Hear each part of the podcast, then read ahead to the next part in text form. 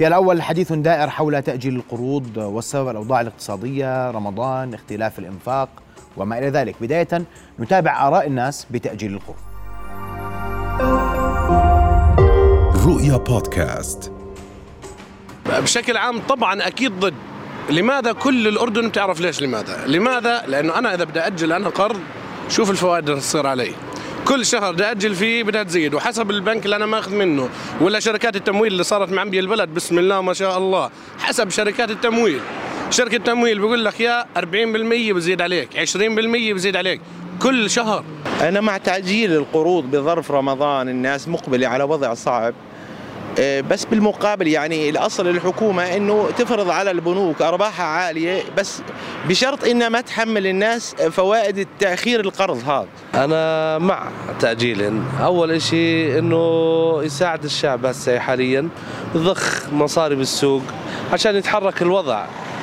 لأنه أنت شايف الوضع إذا ما تحرك الوضع في شهر رمضان الناس الله وكيلك ما في ما في مجال لا دخل من هون ولا من هون. والله أنا مع تأجيل القروض.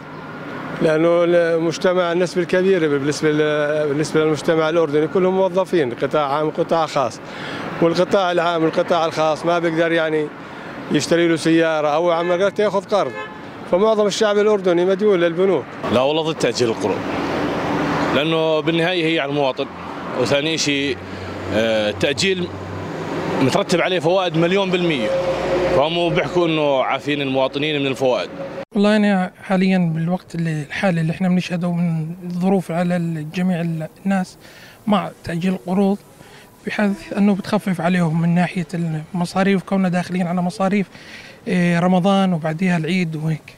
أنا آه، ضد التأجيل وحسب إمكانية الشخص برضه إذا بيقدر هو يسدد وما يأثر عليه وعلى راتبه.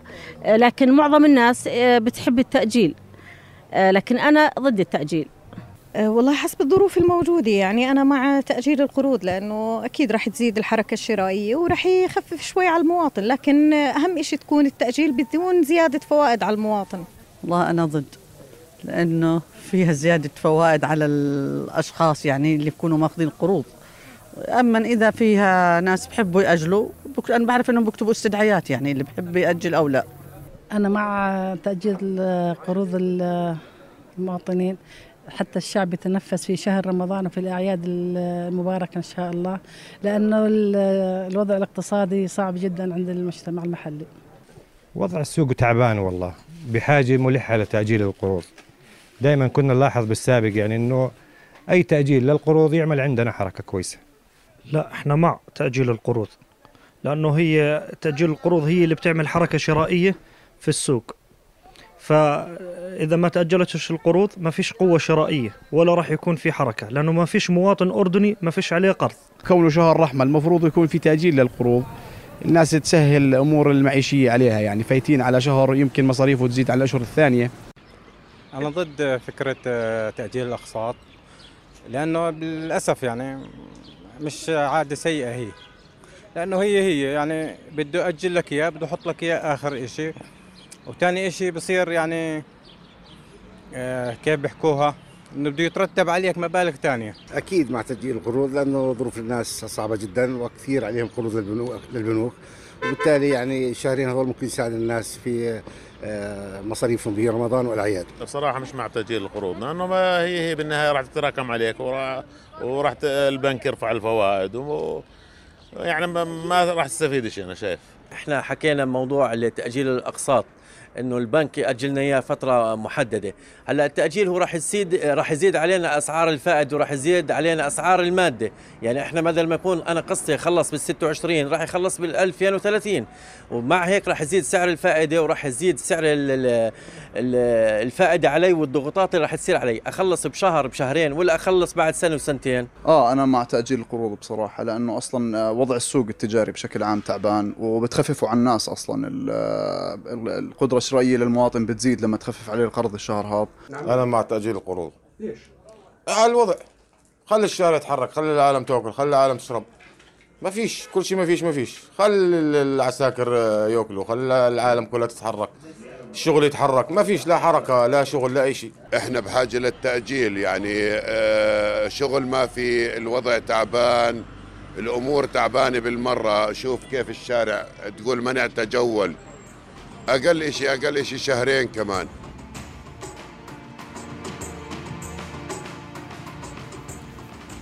للحديث حول هذا الموضوع أرحب بضيوفي الكرام كل من الوزير الأسبق الاستاذ محمد مهند شهادة مساء الخير. مساء الورد أهلا وأرحب أيضا بعضو مجلس النواب الاستاذ خالد أبو حسان. أستاذ خالد مساء الخير. مساء الخير أخي محمد. وأستأذنك آه، معاليك بدي أبدأ بالأستاذ. خالد.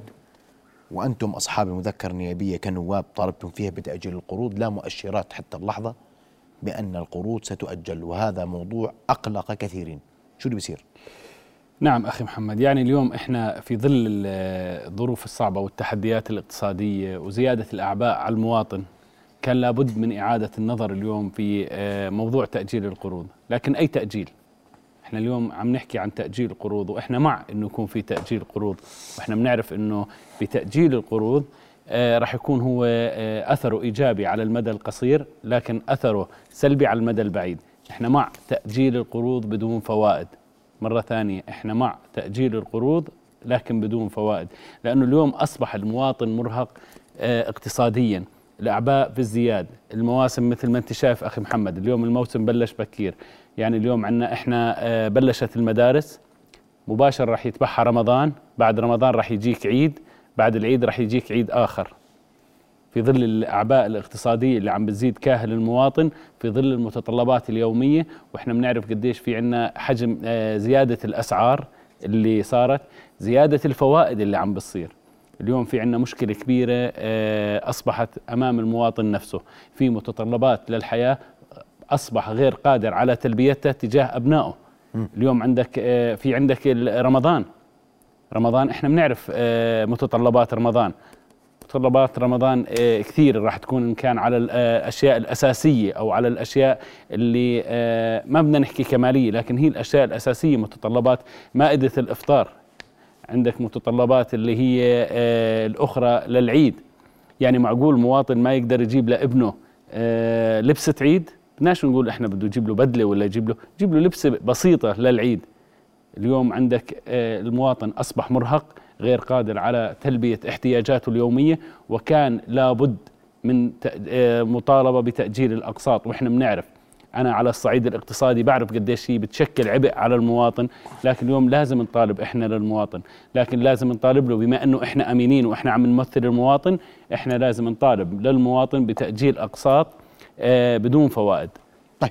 في ظل اليوم إحنا بنشوف الأرباح البنكية آه، بالزياد. يعني السنة هاي في عندنا 38% آه، ارباح البنوك زادت عن السنة الماضية.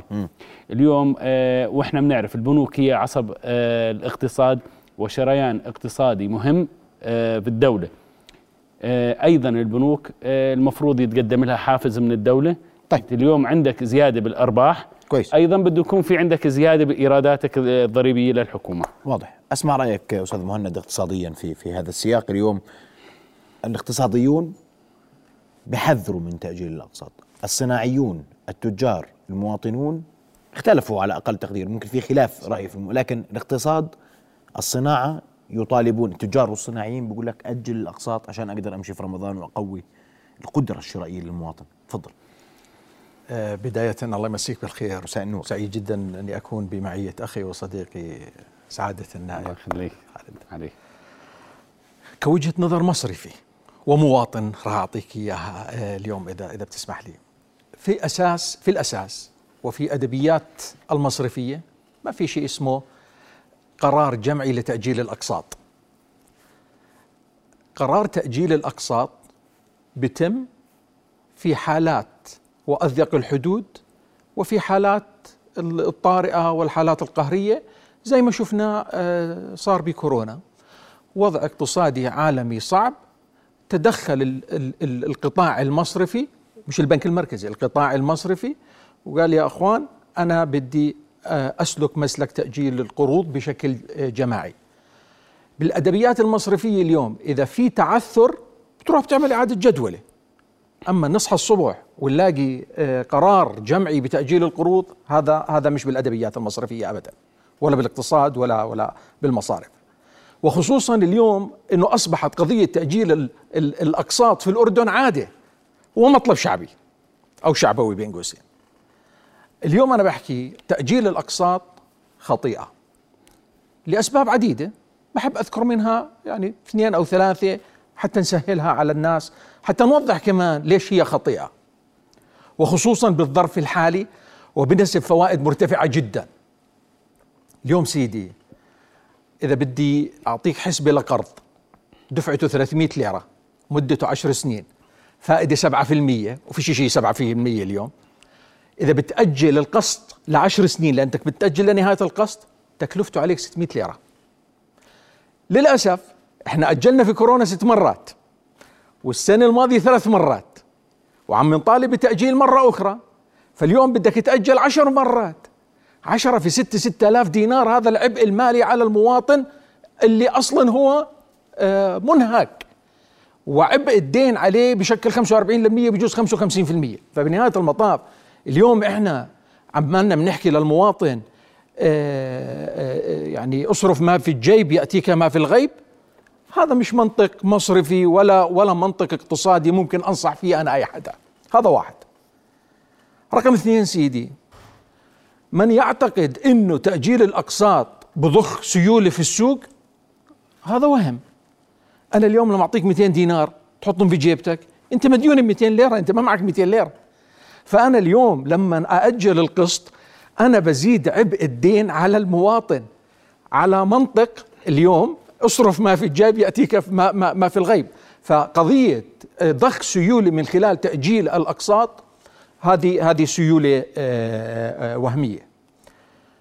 والأهم من هذا وذاك اللي تفضل فيه آه، معالي النائب أو سعادة النائب وإن شاء الله وإن شاء الله معالي. اليوم المواطن منهك وذكر ارتفاع أسعار وارتفاع أسعار فوائد.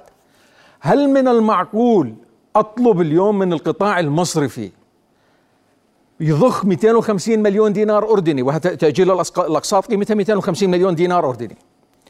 ونهاية الشهر عندك رواتب وتقاعدات مدنية وعسكرية وقطاع خاص تتراوح ما بين 800 مليون. وإحنا اليوم بنعيش فترة توزيع أرباح شركات مساهمة عامة. بدك تضيف عليها كمان 200 مليون. البنك المركزي خلال السنة الماضية رفع الفوائد ثمانية في ثمان مرات حتى يكبح جماح التضخم. أنا اليوم أجي أضخ بالسوق مليار ومئة مليون. في شهر رمضان المبارك وكل عام وأنتم بخير.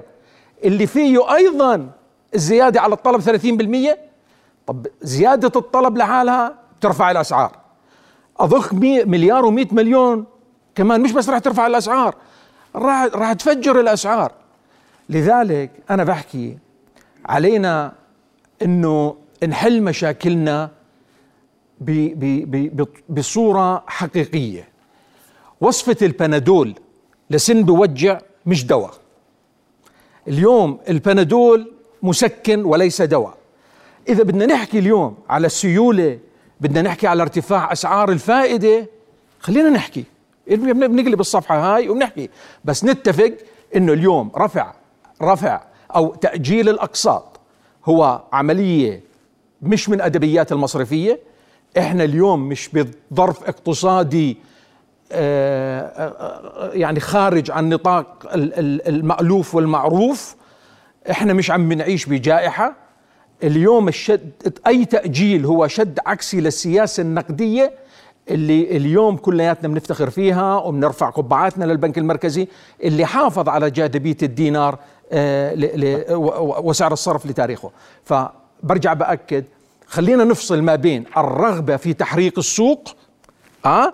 وتأجيل الأقساط. تأجيل الأقساط يا أخوي أي واحد متعثر يروح على بنك يقول يا عمي أنا متعثر مش قادر أدفع بجدولوا له وإذا ما أخذ من بنك إسلامي يعني في حال في حال العسر إلى حين ميسرة معروفة. أستاذ خالد كل كل أدبيات لا لا أدبيات مصرفية ولا اقتصاديا وضخ هاي الأموال في السوق لا يؤثر شيئا ولا يحرك السوق أصلا هو هذا ضخ وهمي. يا سيدي خلينا بس بدكم شهرين عشان أذكر بس. أنتم النواب بدكم شهرين. بدنا شهرين. هلا شوف أنا مش راح أختلف مع معالي أبو عمر باللي حكى بموضوع إنه وحكيت لك إياه تأثيرها الاقتصادي. ترى الخالد بده إياك تختلف يا أخوي مشان الله. لا هو ما حدا بيختلف بالأرقام. الأرقام ما بتكذب حالها. إحنا عندنا اليوم تقريبا 12 مليار آه، حجم قروض الأفراد. عندك ال- القسط الشهري للأفراد بيطلع 250 مليون. اليوم أنا لما بدي آه، أضخ بالسوق أنا راح أختلف معه بموضوع السيولة. هلأ بزيد الطلب برمضان؟ نعم بزيد الطلب برمضان لأنه الاحتياجات تبعت العائلة بتختلف برمضان. م. عندك رمضان عندك عيد رمضان موسم بركة رمضان موسم ألفة رمضان بتقعد كل العيلة بتقعد على صحن واحد آخر النهار. إذا اليوم وبعد رمضان في عنا عيد. في عندك عيديات في عندك يعني هاي هاي عاداتنا وتقاليدنا هيك المواطن. طيب. هاي يعني ما حدا بيقدر يغير عاداته وتقاليده وسلوكه الاستهلاكي. يعني اليوم أنا كأني بطلب من الناس غيروا سلوككم الاستهلاكي برمضان. نضل صايمين؟ لا اليوم لابد من إعادة النظر. نعم هي في لها تأثير آه، سلبي على المدى البعيد. أنا بقول لك نعم في لها تأثير سلبي بوجود إحنا طالبنا بتأجيل الأقساط بدون فوائد مرة ثانية بدون فوائد. اليوم ليش بدون فوائد؟ عشان ما يصير طيب بدون فوائد في مشكلة؟ هلا طبعا بده يكون في في مشكلة هي على البنوك. بديش فوائد يا أخي. آه، ممكن يعني تفضل. آه، أجاوب. بتحط وديعة في البنك ما بتاخذ عليها فوائد؟ يا سيدي أنا أنا أنا هذا الكلام طبعا إحنا فاهمينه لكن اليوم إحنا لما يكون في شوف اليوم لما يكون في عندك آه، سوق راكد ولا يكون في لابد من الحوافز. اليوم إحنا بنحكي آه، المفروض إنه في عندنا 800 مليون أرباح البنوك. جاوب أنا جاوب؟ على السؤال. أنا على السؤال. أنا اليوم في عندنا أنا اليوم بيقول لك هو أنا ما عندي مشكلة. اليوم بدي أطلع قرار. أوكي. واجلوا القروض ولا فوائد وأصحاب الودائع لا فوائد لهم. بتوافق؟ على؟ إني أنا أنا بأجل أنا أنا بدي أخذ الجانب اللي بيهمني أنا جانبي اللي هو المواطن آه. أنا اليوم مع إنه يكون في تأجيل ماشي. بدون فوائد لكن اليوم كمان ما هو له حق اللي آه، موجود كمان صاحب الوديعة واليوم البنك في عليه التزامات وفي عليه اتجاه. طيب. الحكومة في عندك ضرائب عم تفرض وللعلم اليوم أعلى ضرائب عم تفرض اليوم وعم تجنى من البنوك اليوم لابد من تقديم حوافز للبنوك أنا مع إنه يكون في تقديم حافز عشان للبنوك الشهرين تقدم حوافز آه،. أنا معناته معناته اليوم إحنا في عنا يكون التأجيل اختياري يكون آه. التأجيل اختياري طيب. لل- لمن اراد لمن اختياري. يكون في تأجيل اختياري طول لا تأجيل لا لا مش تأجيل لا، اختياري كل من عندنا لا. يرغب بانه يؤجل كان يعطى خيار لا حتى في اليوم كورونا- لا. التأجيل لما يكون تأجيل اختياري في فتحوا باب التأجيل الاختياري إحنا شفنا اليوم بالمواطنين هم بين موافق وبين غير موافق لأنه بده يزيد اعلى اعبائه المالية. قرار التأجيل اللي بيرفضوا التأجيل معدودين على الأصابع. آه صح؟ آه، طبعا لأنه لا، هو لا، بكون آه، مش مش صح. أنا بدي أختلف معك هلا. يلا تفضل. كويس. قرار التأجيل جمعي. وإذا أنت بدكاش تأجل بترجع لي. فبنهايه المطاف بسموها هذه negative option أيوه. أنا اليوم القرار يجب أن يكون لا قرار. اللي متعثر وبده يأجل اقساطه يجي على البنك من من يعني بتاجل له شوف سيدي أنا راح أرجع ل آه، اللي تفضل فيه آه، أخوي سعادة النائب. الوضع الاقتصادي والسيولة وتحفيز السوق والحوافز من الأساسيات ولكن وين؟ لا يجوز أن نظل نتكي على السياسة النقدية. إحنا سياستنا النقدية سياسة حصيفة آه، سياسة متمكنة حافظت على جاذبية الدينار وسعر الصرف ويجب أن نتمسك بهذه الركائز. بالكورونا أول ما طلع على الواجهة البنك المركزي ببرامجه إذا بتتذكروا. ثم الضمان الاجتماعي. اليوم بعتقد من الضروري جدا إنه السياسة المالية تنتقل من من من من بوتقة خطوة تنظيم إلى الأمام سر.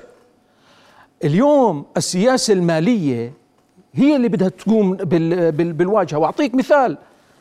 يا أخوان إحنا عندنا دخل ال GDP تبعنا 33 مليار دينار أردني. تحصيل الضرائب 5.9 مليار. اقسم هاي على هاي بتلاقيها 17 18% تروح على أمريكا GDP تبعهم 25 تريليون. تحصيلهم الضريبي 1.7 تريليون. اقسم هاي على هاي بتلاقيها 6% تروح على بريطانيا تلاقيها 2% خلينا نرجع إحنا للأساسيات. الأساسيات الاقتصاد الوطني مثقل. كتاب التكليف السامي قبل أربع سنين قال يا أخوان احسبوا العبء الضريبي على المواطن الأردني. عندنا عندنا العبء الضريبي هو الأساس في كبح. بدي بدي أروح بهذاك الاتجاه؟ ولا إذا بدك إلا بدك توقفني. لا برجع لك بعد فاصل وبسمع منك. أوكي. بعد فاصل قصير نواصل القوم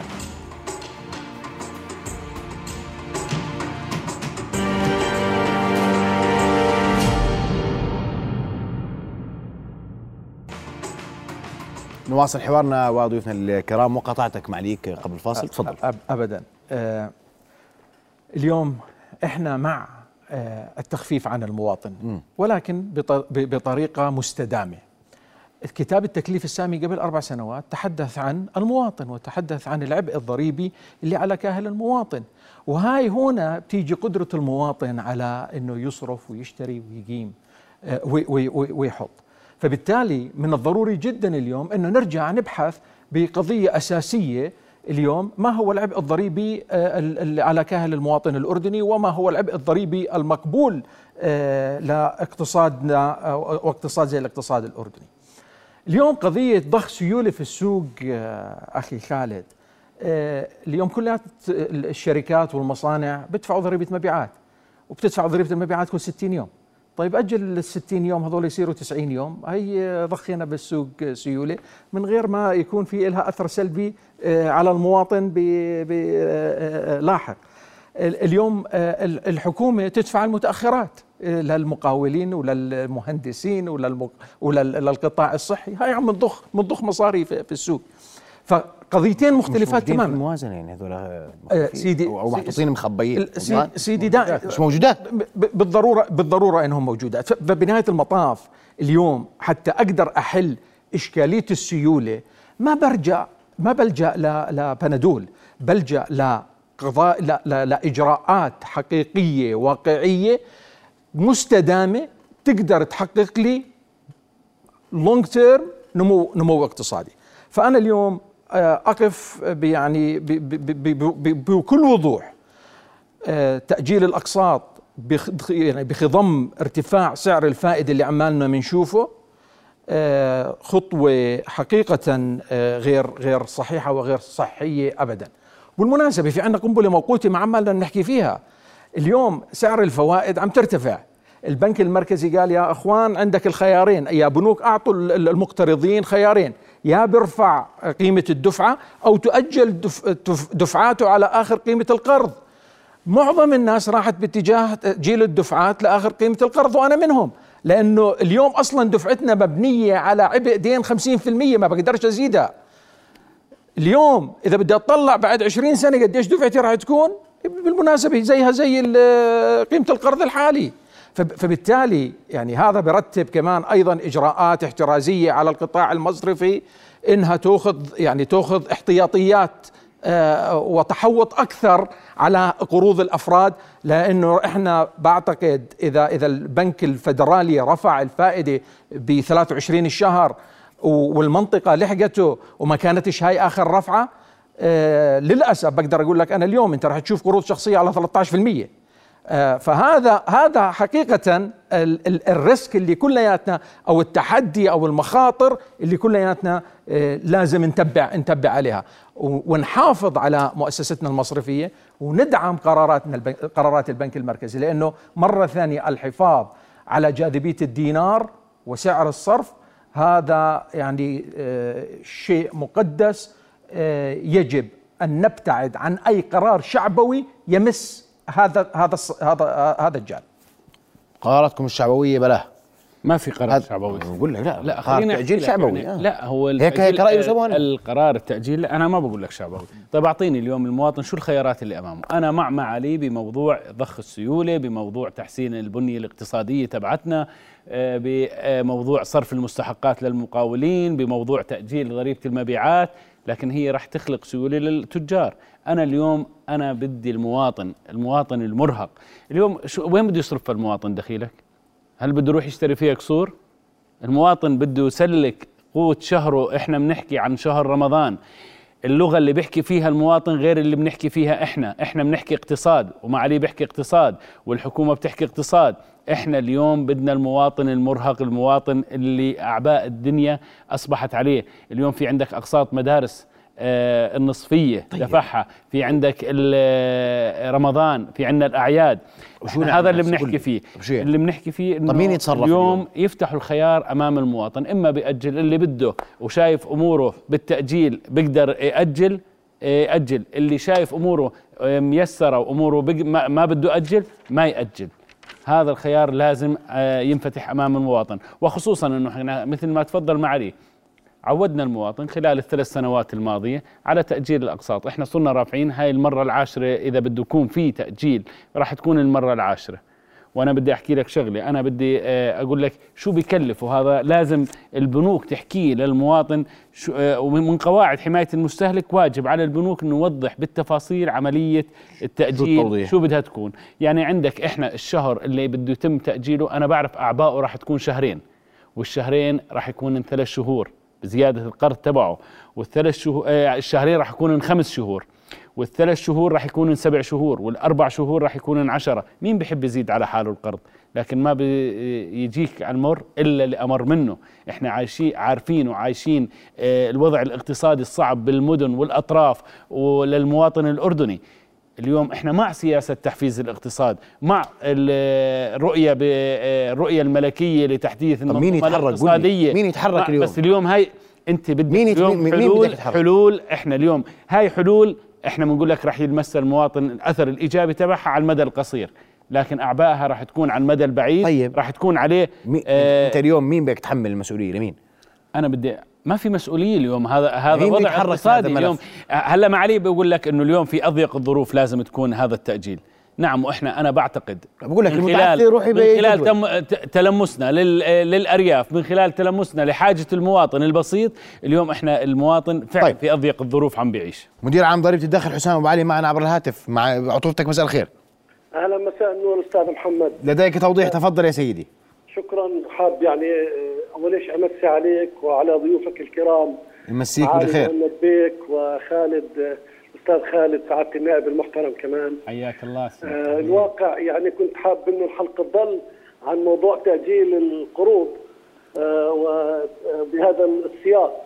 آه، لكن أما وانه الحلقة تطرقت لموضوع العبء الضريبي وموضوع ضريبة المبيعات ولأنه الأمر بيتطلب التوضيح كان لابد من هذه المداخلة. اولا تفضل.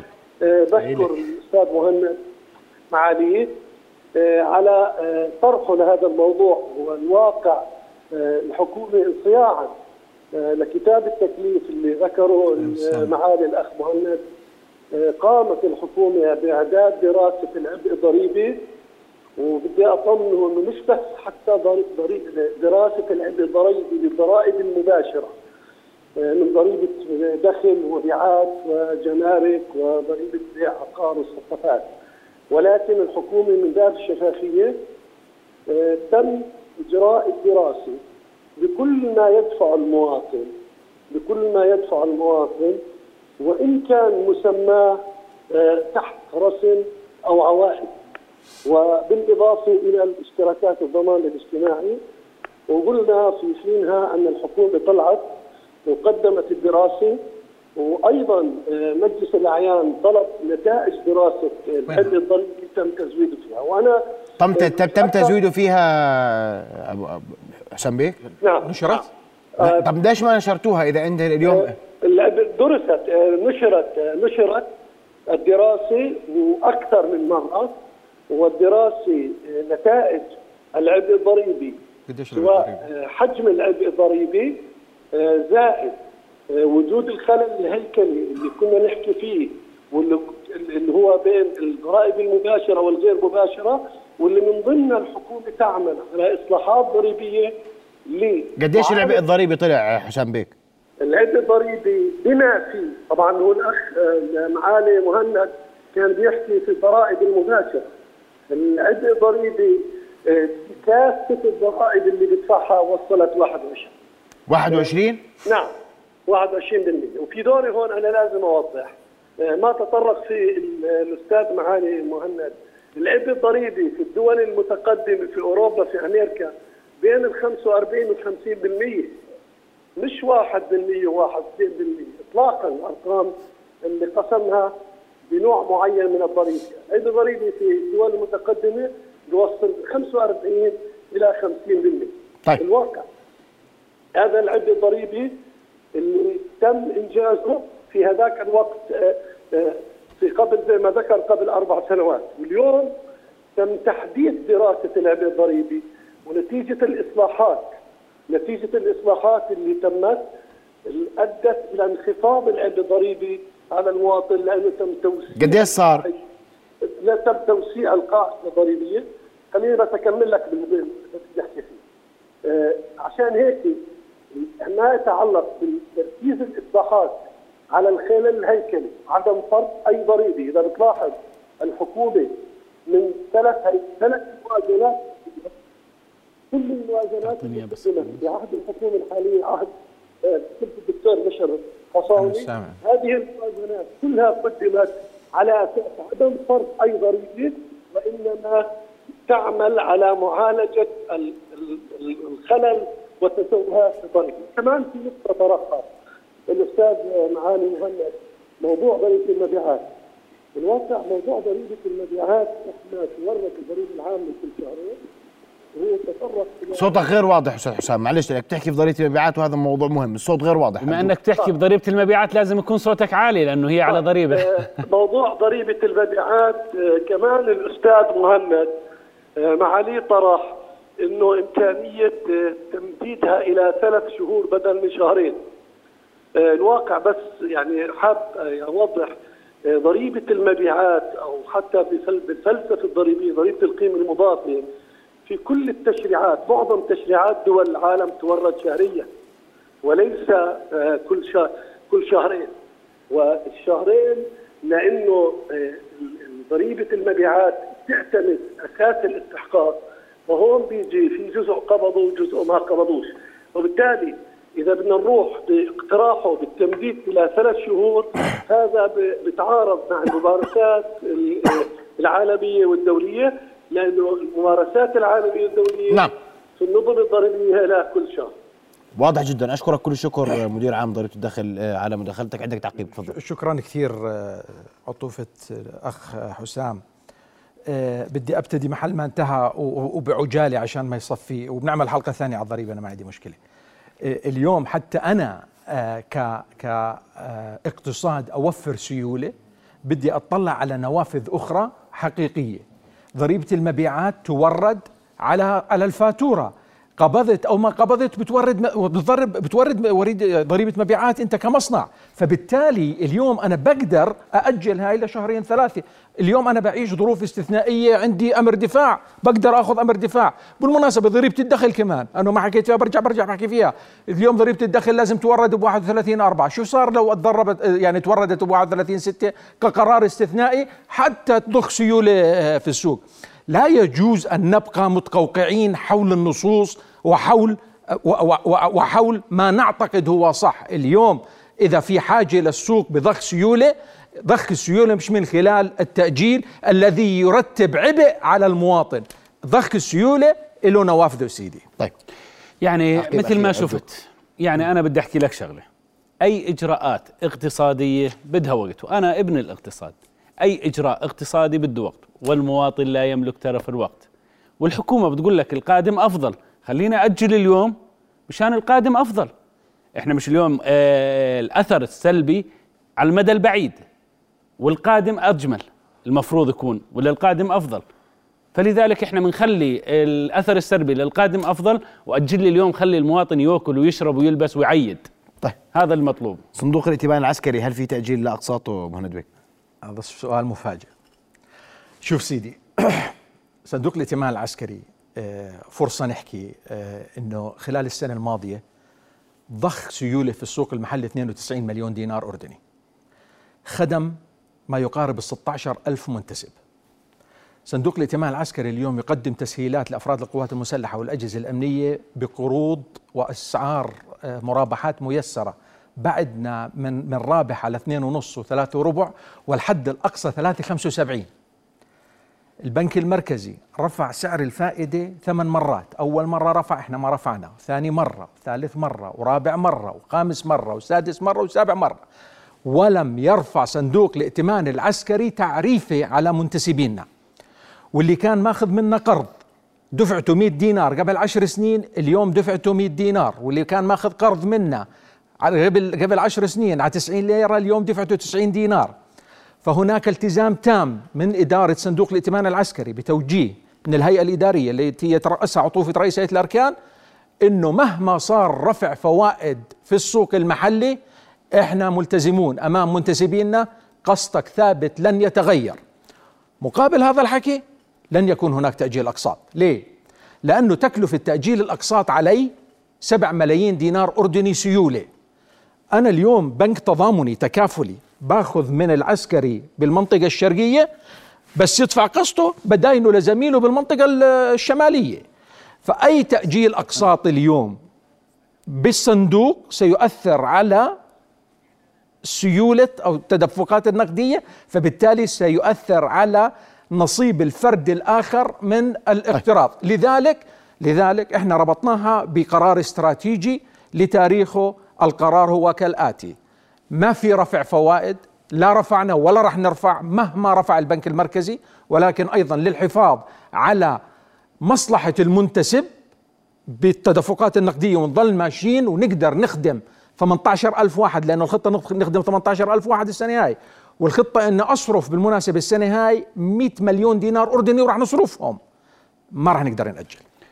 واضح جدا. وأنا بدي وجاني سؤال. اليوم اليوم التجار اللي, اللي المؤجرين برضو يأجلوا إيجاراتهم آه طبعا؟ برضو يأجلوا. أكيد لما يكون في عندك شوف خلينا نحكيها إحنا اقتصاد أي واحد أي أفضل أنا كمؤجر يفضل مأجور تبعي لمدة سنة ولا أجل له آه لمدة شهر؟ خلينا هيك نكون واقعيين وأنا بدي أحكي لك إياها من واقع خبرة.